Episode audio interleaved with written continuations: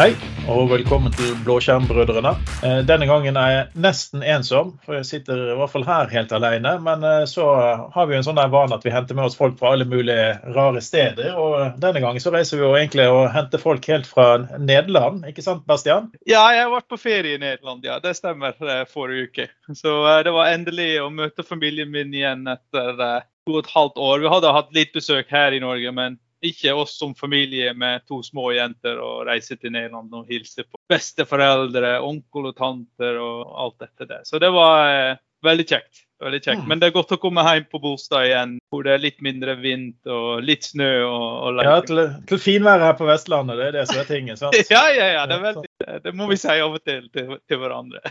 Er Men, men når jeg tenker på eh, Nederland, eh, så tenker jo jeg på byer som Amsterdam og, og rundt omkring. Rotterdam òg, for så vidt, men mest Amsterdam. Det er jo veldig mye fin arkitektur der, er det ikke det? Ja, det er det. Men um, jeg, jeg um, uten å, å litt sånn fornærme folk for mye, men Amsterdam er ikke Nederland, sier vi ofte, som Oslo er ikke Norge. Det, det finnes mange andre gamle byer rundt omkring hvor det finnes eh, mye kjekk arkitektur. Ja, jeg har vært i en by som heter Brille noen ganger. Som er en helt Ja. fantastisk eh, by som jeg vil anbefale folk som er i nærheten å gå innom. Og Der finner du mye flott, gammel arkitektur. Ja. Det er en imponerende liten by.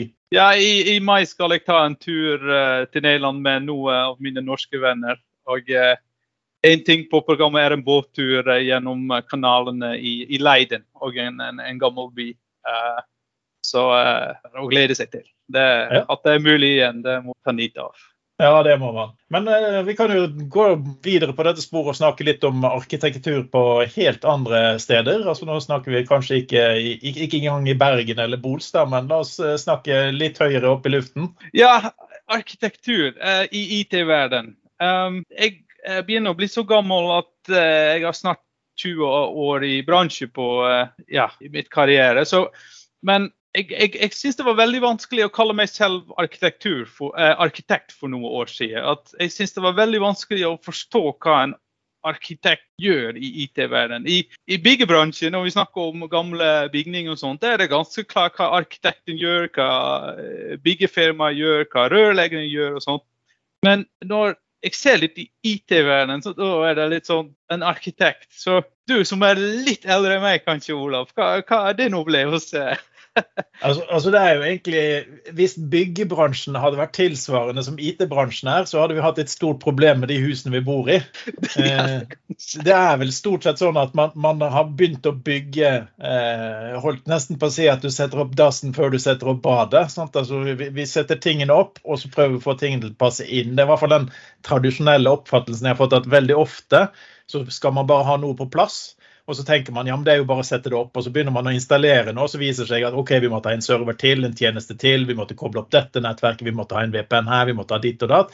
Og så, så blir det liksom bare lappet sammen til Det er jo ikke en arkitektur, men det blir lappet sammen til sin egen kunstneriske utfoldelse av et eh, holdt på å si mesterverk, men det er vel kanskje feil ordbruk. Ja, det er kunstner. Det, det, den, ja, den liker jeg veldig godt. Og, og, det, og det føles det òg av og til. Og jeg prøver å finne ut nå de siste årene hva, hva gjør en arkitekt, eller hva har de gjort før. Og jeg tror vi, har, vi kommer fra en periode hvor arkitektene var de, de gode, gamle mennesker med, som var allvitende og lagde en design eller dokument og hivde det over gjerdet til de som skulle lage det, og gikk videre til neste oppdrag. Og um, jeg tror det er fortsatt litt sånn gjenklang av det. Uh, vi vet nå med, i forhold til DevOps og alt sånne ting at vi trenger en feedback loop hele tiden Mm. Uh, med ting. Og Ja, altså, som jeg- Vi kan jo kanskje si hva, hva poenget med å arkitektere noe? Er vel kanskje viktig så at folk skjønner. altså Hvorfor trenger vi en arkitekt hvis du skal sette opp et eh, HR-system f.eks.? Nei, det, det er et godt spørsmål. Og det er òg for meg jeg, jeg kan bare fortelle hva det betyr for meg, og hvorfor jeg syns arkitektur er viktig i IT-verdenen. Og som, som du sa, i byggebransjen er det ganske statisk, men IT-verdenen endres. Og for meg handler arkitektur om det er en, en veldig kjent eh, i verden, Martin Fowler, som sier arkitektur, arkitektur handler om ting som er vanskelig å endre. Så bestemme hva utviklingsspråk du skal bruke hele veien, er veldig viktig. Hvis du skriver alt i C-sharp, kan du ikke bare ombestemme deg etter to-tre år at du skal skrive det i Python eller hva du, eh, hva du vil bruke. Så, um, og arkitektur handler for meg om å, å fortelle systemets historie. Hva, hva, er det vi lager? Hva skal dette her gjøre? Hva, og hva skal det tilby brukere uh, vår? Så um, ja, derfor trenger vi arkitektur. Vi, vi trenger et, et, et, rolle. Jeg syns det ikke er en rang, det er en rolle i et utviklings- eller et, et, team som tar vare på de ting som gjelder for alle. Så oppetid, hva krever vi? Uh, performance, hva, hva, ønsker vi å, å, å nå? Uh, disaster recovery, hva forventer vi? Sikkerhet, hva, hva, hva som gjelder for alle disse eh, team. Så at du kan bygge et rammeverk, at alle vet som skal utvikle i firma eller prosjekt, hva de skal forholde seg til. Så jeg tror mm. dette betyr arkitektur for meg. Og ikke minst fortelle en historie om hva systemet gjør. Når, når du skal ha et ny ansatte eller en ny developer i teamet ditt, du kan ikke hive folk i codebasen sin og si vær så god, eh, kan du lage den funksjonaliteten til meg. Det må være et slags historie som forteller nei, dette er vår del av systemet, i sammenheng i den store, store nettverk av, av, andre systemer i, firmaet vårt. Og dette prøver vi, Eh, vi jeg, jeg tror også at vi ser at eh, en av de store endringene som har skjedd, det er jo det at eh, tidligere så ville man kanskje i et, et firma med litt størrelse, så ville man hatt noen arkitekter Eh, og de skulle plutselig hive seg rundt og arkitektere i alle mulige sammenhenger. sant? Ja. Eh, F.eks. du var en nettverksarkitekt, men du måtte også designe eh, deler av applikasjonsintegreringer og sånne type ting. Så jeg tror som du sier, jeg tror ikke det er det at det lenger er en stilling, men det er en rolle. Og den rollen er ikke nødvendigvis en rolle du har permanent heller. altså Du får den i prosjektet. Du er med på å lage en arkitektur som da definerer eh, regelsett. Altså eh, hvilken type eh, språk skal vi bruke her? Eh, hvilken type integreringer trenger vi? Og så hvordan det bygges opp helt eh, funksjonelt messig også, da. Eh, og den rollen er jo ikke noe du nødvendigvis tar vare på fordi at du dokumenterer det for en videre etterlevning i, i levetiden av systemene. Ja, akkurat. Og den, jeg tror det er noe som oftest kalles et tech lead i en DevOps-team. De som, og den, som du sier, den rollen kan ta, ta, vare på forskjellige ting. Og ofte er arkitekturdokumentasjon ganske statisk i forhold til hva vi utvikler. Som sagt, en utviklingsspråk endrer vi ikke over natt. Um, men ja, så, så, det, så, da tenkte jeg ja, OK, men vi har så mange sertifiseringer og alt som foregår der. Hva, hva slags rammeverk fins, eller sånn sertifisering for å kunne vise at hei, jeg er, jeg er arkitekt. Så jeg, jeg, og det er litt sånn enterprise-arkitektur. Den tok av uh, sertifiseringer. Så jeg tenkte ja, vet du hva. Jeg skal gjøre sånn foundation-kurs uh, og ta den sertifiseringen. Og der er uh, hvor vi havner. sant? Må, det er viktig at vi lærer hele tida. Men um, husker du print practitioner? Har du vært borti det? Den, ja, altså, det var jo en av hype- og buss-tingene for eh, noen år tilbake igjen. det er sant? Ja, i sånn projektledelse og sånt. Et mm. stor, vanntett rammeverk eh, hvor det var egentlig nesten umulig å få ting gjort. Det er som jeg opplevde det. Eh, mm. Og jeg fikk samme følelse med en togav-greie. Jeg tenkte nei, det, dette skal ikke fungere i, i, i praksis. Så da var det en annen uh, fyr jeg jobbet med i Stockholm som sa du må se på eh, C4-mod. Det var en utvikler som tenkte nei, alt jeg har jobbet med, eh, fungerer ikke i praksis. Vi trenger noe litt sånn lean og mean, som er lett å vedlikeholde og lett å lese. Og det var eh, eh C4-modellen eh, fra Simon Brown. Og det var egentlig første ting jeg fikk sånn veldig aha-opplevelse. at dette er en modell som ja, går ut på forskjellige nivåer. Så vi begynner veldig high level og så går, kan du gå helt ned til kode hvis du ønsker dem. Det gjør ikke alle det. Så det var jeg brukte veldig mye tid på. Og hva jeg lærte av han, er tegninger. Jeg vil litt snakke om arkitekturtegninger med deg. Hva har du sett de siste årene? Arkitekturtegninger. Hva er det første som dukker opp for deg i, i hodet? Nei, det er jo store, flotte tegninger som du må ha en ganske svær skjerm for å klare å se hva som står på den. Ja, og jeg, jeg syns uh, vi, vi, har litt sånn Minecraft og alle sånne games, men ofte, ofte arkitekturtegning det er litt sånn leik like òg. Hva betyr en farge? Ja, den mm. boksen er rød, og den boksen er gul. Ja. Har det noe betydning? Ofte det er sånn legender som mangler på, på tegn. Hva gjør den pilen? Hvorfor går den den veien? Jeg, jeg syns i tegninger er pilene ofte mest interessant. Og de, mm. gjør, noe. de gjør noe. Ja, det, altså det, det, er veldig vanskelig å ikke forstå en pil. sant? Altså Det går én ja. eller to veier, sant? Så, så, og du ser hva det går til. Sant? Så Det er enkel symbolikk som er lettere å forstå enn andre typer ja. ting. sant? Altså En annen er um, um, ikoner. Når du har aldri jobbet med Azure, og du får en tegning fullt av ikoner av en app service og en app gateway og en storage account, og du har aldri sett det før, hva skal du da? Det, mm. det, det er litt sånn så den C4-modellen handler om, og jeg oppfordrer alle å ta 30 minutter av dagen sin og gå til uh, c4model.com og se på den halvtimes YouTube-videoen uh, som ligger der. handler om å fortelle en historie i en tegning. En firkant skal ha en description, en pil skal du skrive ved hva ting betyr. Um, og det får jeg veldig mye energi av. Jeg tenkte ja, dette er første ting for meg. Mm. Um, ja, Så det tegningen det, det, kan vi snakke om jeg tror jeg, en halvtime til om. Men, mm. men det, det, er jo det som er ganske viktig her. det er at Siden vi ser at det kanskje er type tech lead som får arkitekturrollen i gitte scenarioer eller gitte tider i livet sitt, så er det jo viktig at de ikke behøver en fire, år, fire, års utdannelse for å bruke dette av og til, men at de får noen raske verktøy som kan hjelpe dem. Eh, og da er den C4-modellen den ser jo veldig grei ut, sånn at du har en enkel måte som folk lett kan sette seg inn i. Og så kan du lage en guide basert på det. Sant? Ja, og beste jeg, eller en av de kjekke tingene jeg, jeg, har ikke bruk Dio siden jeg begynte å bruke C4-modell. Det er alt litt sånn diagram as code. Så jeg lager, og Det er veldig enkelt å forstå. Så jeg lager litt sånn definere ting og lager en kombinasjon. Og når jeg trenger å endre den tegningen, og den tegningen lager han sjøl, det går helt fint, det, det, trenger du ikke å bry deg om, så bare legger jeg til noen regler med tekst.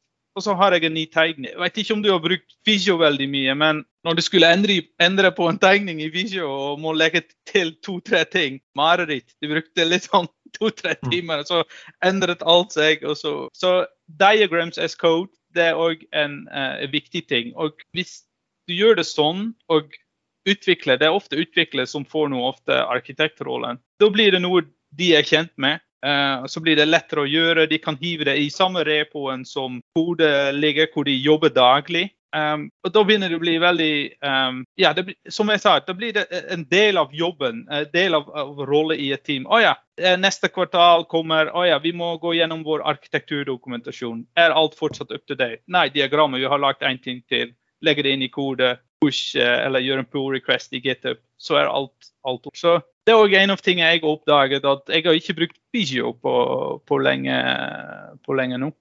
Jeg vil, vil jo også påpeke at Man kan jo bruke Draw.io, draw.io, som er gratisverktøy som har atskillig bedre ikoner for Asher f.eks. og Google og for AVS eh, enn eh, Visio. Så, så jeg, jeg, har begynt å bruke det bevisst istedenfor Visio. Ikke bare fordi det er gratis, men fordi der finner du faktisk de ikonene du sitter og leter deg i hjel på nettet for å finne fram til Visio ellers. Ja, du har sikkert en stor zip-fil med masse sånne Visio-templates med ja, ikke sant? Når, når aldri igjen det du trengte når du måtte ha dem. Sant? Så, så Draw.io det var egentlig redningen for meg, så den kan også anbefale. Men altså, du, du bruker heller kode for å forklare det, og dette ligger da det forklarte i C4 Model-siden, eller hvordan du skal gjøre det òg? Uh, um, ja, nei, det, det, det, ligger det. Men jeg, jeg, jeg, tror jeg skal lage noe presentasjon rundt om det, eller enten på Berger Microsoft eller på en annen plass. Jeg, jeg, merker at uh, denne historien finner litt gjenklang blant folk. Jeg, um, at jeg føler dette er en måte å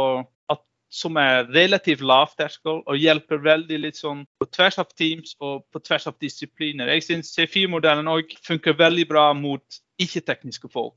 Uh, ledere, uh, product owners som ikke alltid er uh, veldig teknisk, har en teknisk bakgrunn. Så um, som sagt, dette er for meg en quest jeg er på. uh, og jeg prøver å finne veien uh, fram til noe fungerer i alle for meg. Og uh, underveis prøver jeg å, å fortelle det til, til, flere som vil høre på det.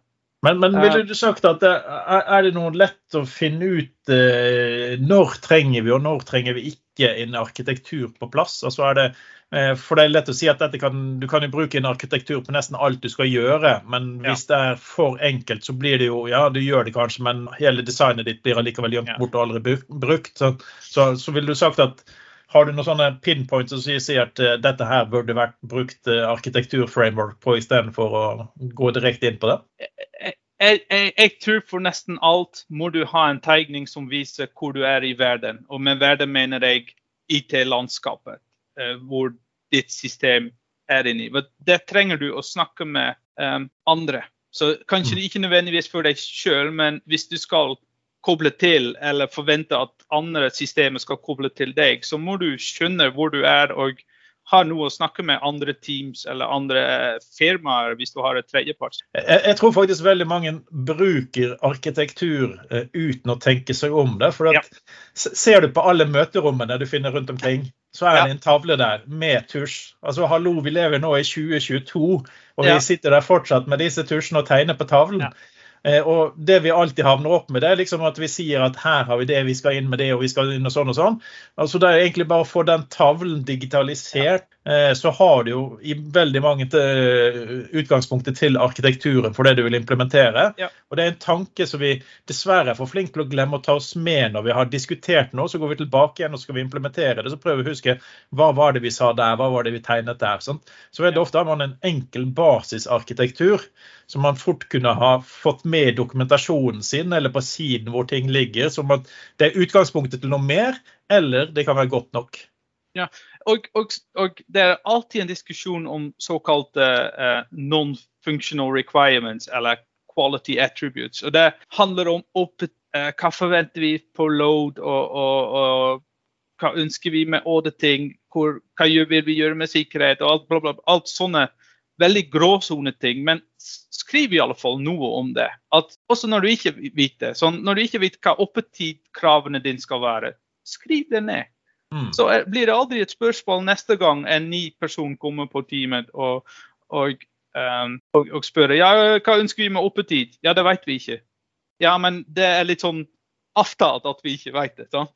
Det, mm. det, det, det står skrevet her. Og en annen ting som jeg syns er veldig viktig, er en kort liste med en decision log. Hva har vi besluttet? Hvorfor bruker vi Azure SQL og ikke Cosmos DB? Det kan være en veldig viktig avgjørelse. Hvis du bare skriver ned at vi bruker Azure SQL pga. bla, bla, bla. Eh, dette database-skjemaet funker ikke i Cosmos DB. Helt greit, men da blir det aldri et spørsmål lenger neste gang eh, folk joiner et team. Så sparer du òg masse tid. Mm. Og, så, eh, hva jeg også merker, Det finnes forskjell mellom softwarearkitektur og infrastrukturarkitektur og informasjonsarkitektur. Så det finnes mange disipliner. Så det, er også i Kvesten prøver jeg å finne ut hva, hva det handler seg om. Jeg har mest jobbet på grensesnitt med softwarearkitektur og infrastrukturarkitektur. Og softwarearkitektur handler litt sånn hva skal vi lage, eh, hva gjør ting, og hvor ligger sammenheng. Og infrastruktur handler om hvor kjører vi det. Bruker vi app services, bruker vi API management, som sagt SQL database, storage accounts, alt sånne ting. Og det, når egentlig den softwarearkitekturen er gjort, da vender jeg meg ofte til uh, den Azure Architecture Center. Det finnes mange sånne um, best practices, guidelines, white papers med, med, ting, hvordan det skal se ut i, i Azure. Og Der er det ganske bra delt, delt opp også, når vi først snakker om den uh, i, i, i, Microsoft Learn eller Docs-mappen. da. Uh, og Der ser det veldig mange som bruker Azure AD for autentisering men de vet ikke noe mer enn at de bruker det for autentisering. Så det å gå inn der og bare lese på, på, identity der, så har du identity, arkitektur, design. Eh, så kan du faktisk gå inn og lære deg litt om hvordan fungerer eh, device-oppkoblingen, godkjenningen. Hvordan går det mot on-premises, hvordan går det mot skyen, hvordan går det med SAS-apper, hvordan går det med partnere du skal samarbeide. Eh, og den typen ting. Og det føler jeg egentlig at absolutt alle som har eh, identitetsløsning, de bør ha sett på dette designet. For at designet er ikke nødvendigvis bare en, en tegning på hvordan du skal gjøre noe, men det er for å forstå hvordan tingene fungerer som du allerede har i bruk. Så det, det kan lønne seg å lese på andre sine designløsninger, altså sånn som da i uh, Azure sine uh, Architect-siden, så vil du da plutselig skjønner litt mer om ok, det er sånn det fungerer når vi har gjester. Det er sånn vi har når vi har business to business. Ja. Det er sånn vi har det når vi har en SAS-app som er koblet opp mot en annen leverandør. Eh, så, så det kan faktisk være lærerikt for ikke-arkitektmennesker, men de som lever med teknologien. Eh, og forstå hva faktisk hvordan tingene fungerer. Og Det samme gjelder hvis dere har implementert noe i, i organisasjonen din. Eh, du skal drifte dette her. Da er jo arkitekturløsningen en av de beste tingene du kan gå for å skjønne hvorfor virker det, hvordan virker det, og hva er begrunnelsen for at det er satt opp som det er. Sånn. Jeg vil gi en siste eksempel som jeg synes var, hvorfor jeg syns rollearkitekturen er veldig viktig. Eh, spesielt i Azure-sammenheng. Eh, jeg satt i et board med litt sånn, vi kalte det litt sånn lead arkitekt. Vi hadde ansvar for flere teams. Og vi brydde oss om ting som var til for alle team. Så sikkerhet, informasjon, infrastruktur og softwarearkitektur. Så sikkerhetsgjengen begynte å spørre meg som infrastrukturarkitekt hvordan funker det med nettverk i Ja, long story short, det, vi skulle integrere Fenet-integrere alt med private endpoints og, og sånne ting. Den beslutning er en arkitektbeslutning. Hei, pga. sikkerhet, flere grunner skal vi ha uh, Fenet integration på alt mulig måte. Greit. Men da må du for, Det er litt sånn a given, men da må du hjelpe egentlig som arkitekt, synes jeg, som tilhører rolla, og fortelle teamsene, ja, eller plattformteamet OK, dette er utfordringen vår, hvordan skal vi løse det? Så kommer du litt på infrastrukturarkitektur, og da må du inn i the nitty-gritty details i, i Azure-arkitektur for å finne ut. Det finnes mange dokumenter om hvordan integrerer jeg app services uh, i en VNet i den Azure Architecture-dokumentasjonen. Så igjen, den rollearkitektur bestemmer noe som er til felles, som er vanskelig å endre, som koster kanskje mye tid å implementere. Men så er det teamene som skal jobbe med det. Eh, og det er veldig viktig at en arkitekt forteller den hvorfor vi gjør ting, og mm. hva er logikken bak det. Men du har ikke kapasitet til å gjøre alt. Så der er du avhengig av, av, av teamene og, og, og, flinke folk. Uh, siste ting jeg ja. Arkitekturen blir vel også fort et grunnlag til en form for sjekkliste også du kan bruke i etterkant. Altså Du kan si at OK, ja. vi har gjort disse punktene her som vi har arkitektert inn, altså som vi har designet inn i løsningen. Og Historisk sett så kan det også gå tilbake igjen. Hva var det vi gjorde for det, eller har vi tenkt på eh, som du sa, nettverkssikkerheten i løsningen vår, så kan du gå inn og så kan du si at nei, det har ikke vi diskutert i det hele tatt. Eller vi diskuterte det, men det virket ikke pga. Altså, ja. du, du, du, har en go, go, godt utgangspunkt for å kunne besvare eh, ja. historiske spørsmål. da. Ja. Og Disaster recovery er alltid et hot tema. Det er ikke mange selskaper som har disaster recovery, litt sånn planen. Her har du min. Uh, mm. Men hvis du setter noen retningslinjer fra et arkitekturperspektiv om disaster recovery, så kan en utvikler tenke ah, ja, da gjør jeg det ikke sånn, men da programmerer jeg mitt applikasjon sånn at det kan kjøre på to forskjellige steder uh, i to forskjellige regioner i Asia. Uh, så bare den bestemmelsen av en felles arkitektur gir utviklere og oppsfolk mye mer veiledning. og Nei, men dette er planen. Her, her dette skal vi fikse. Og ja, jeg tror òg at, at en, en, litt ja, Det er litt sånn hjertesjuk, og jeg vet ikke om det er sånn, men vi, det er sånn trend at vi prøver å ha organisasjonen så flatt som mulig og teamet så individuelt som mulig. men jeg er egentlig overbevist at vi trenger noe som bryr seg om felles ting og bestemmer ting hvor resten kan jobbe med. Og ha litt, du trenger litt uh, um, hva heter det, struktur, struktur, i en organisasjon om, for, å, for, å, komme videre. Uh, mm. jeg, jeg, jeg, er opptatt, jeg synes hvis alle har ansvar, har ingen ansvar, egentlig. Det mm. litt sånn tanke Ja, altså, det blir jo kanskje litt at du må ha en, må ha en arkitektur på arkitekturen din. altså det vil... Oi, det blir jo veldig meta-meta. Eh, ja, men, men, men, i realiteten så er jo den overordnede arkitekturen det er jo en strategi. sant?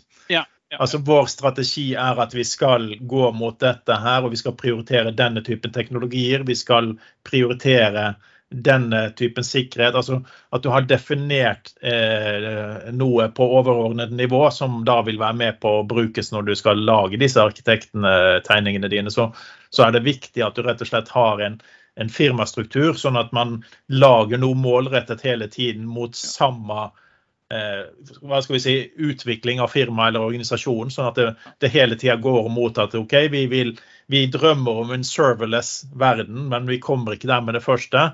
Men så lenge vi har en struktur, så vil vi bevege oss mot ja. dette her. for vi har tatt de avgjørelsene.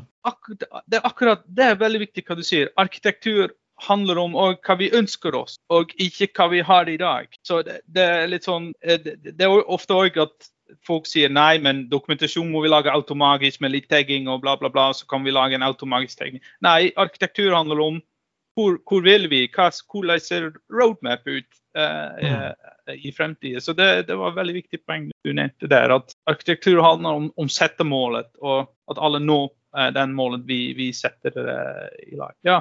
Mm. Så, men, men, husk, sjekk c4modell.com og sjekk den presentasjonen. Når du tegner ting, bruk en legende. Hvis du bruker en farge, fortell hva den farge betyr. Og når du bruker linjer og pilene, skriv et pilene i litt sånn småtekst hva pilene mm. gjør. Det hjelper alle. Det kan jeg love deg. Ja, for altså En god tegning hjelper, det er ingen tvil om det. Men hvis det er en uforståelig tegning, så blir du bare mer forvirret. Sant? Og vi har ja. alle sett nok av de. Sant? Så. Og så bruker vi enda mer møterom og whiteboards og står og tegner med hverandre. og, og, og ja. og det, det sparer masse tid. Yes, Nei, men Det var interessant, eh, Bastian. Får eh, ta oss en samtale om ikke så altfor lenge igjen, tenker jeg. Jeg håper det. Og så kanskje jeg uh, har lært noe nytt. Og så da skal jeg sikkert dele det med deg, Olav. Det høres bra ut. Da snakkes vi. Ha det. Ha det. Ha det.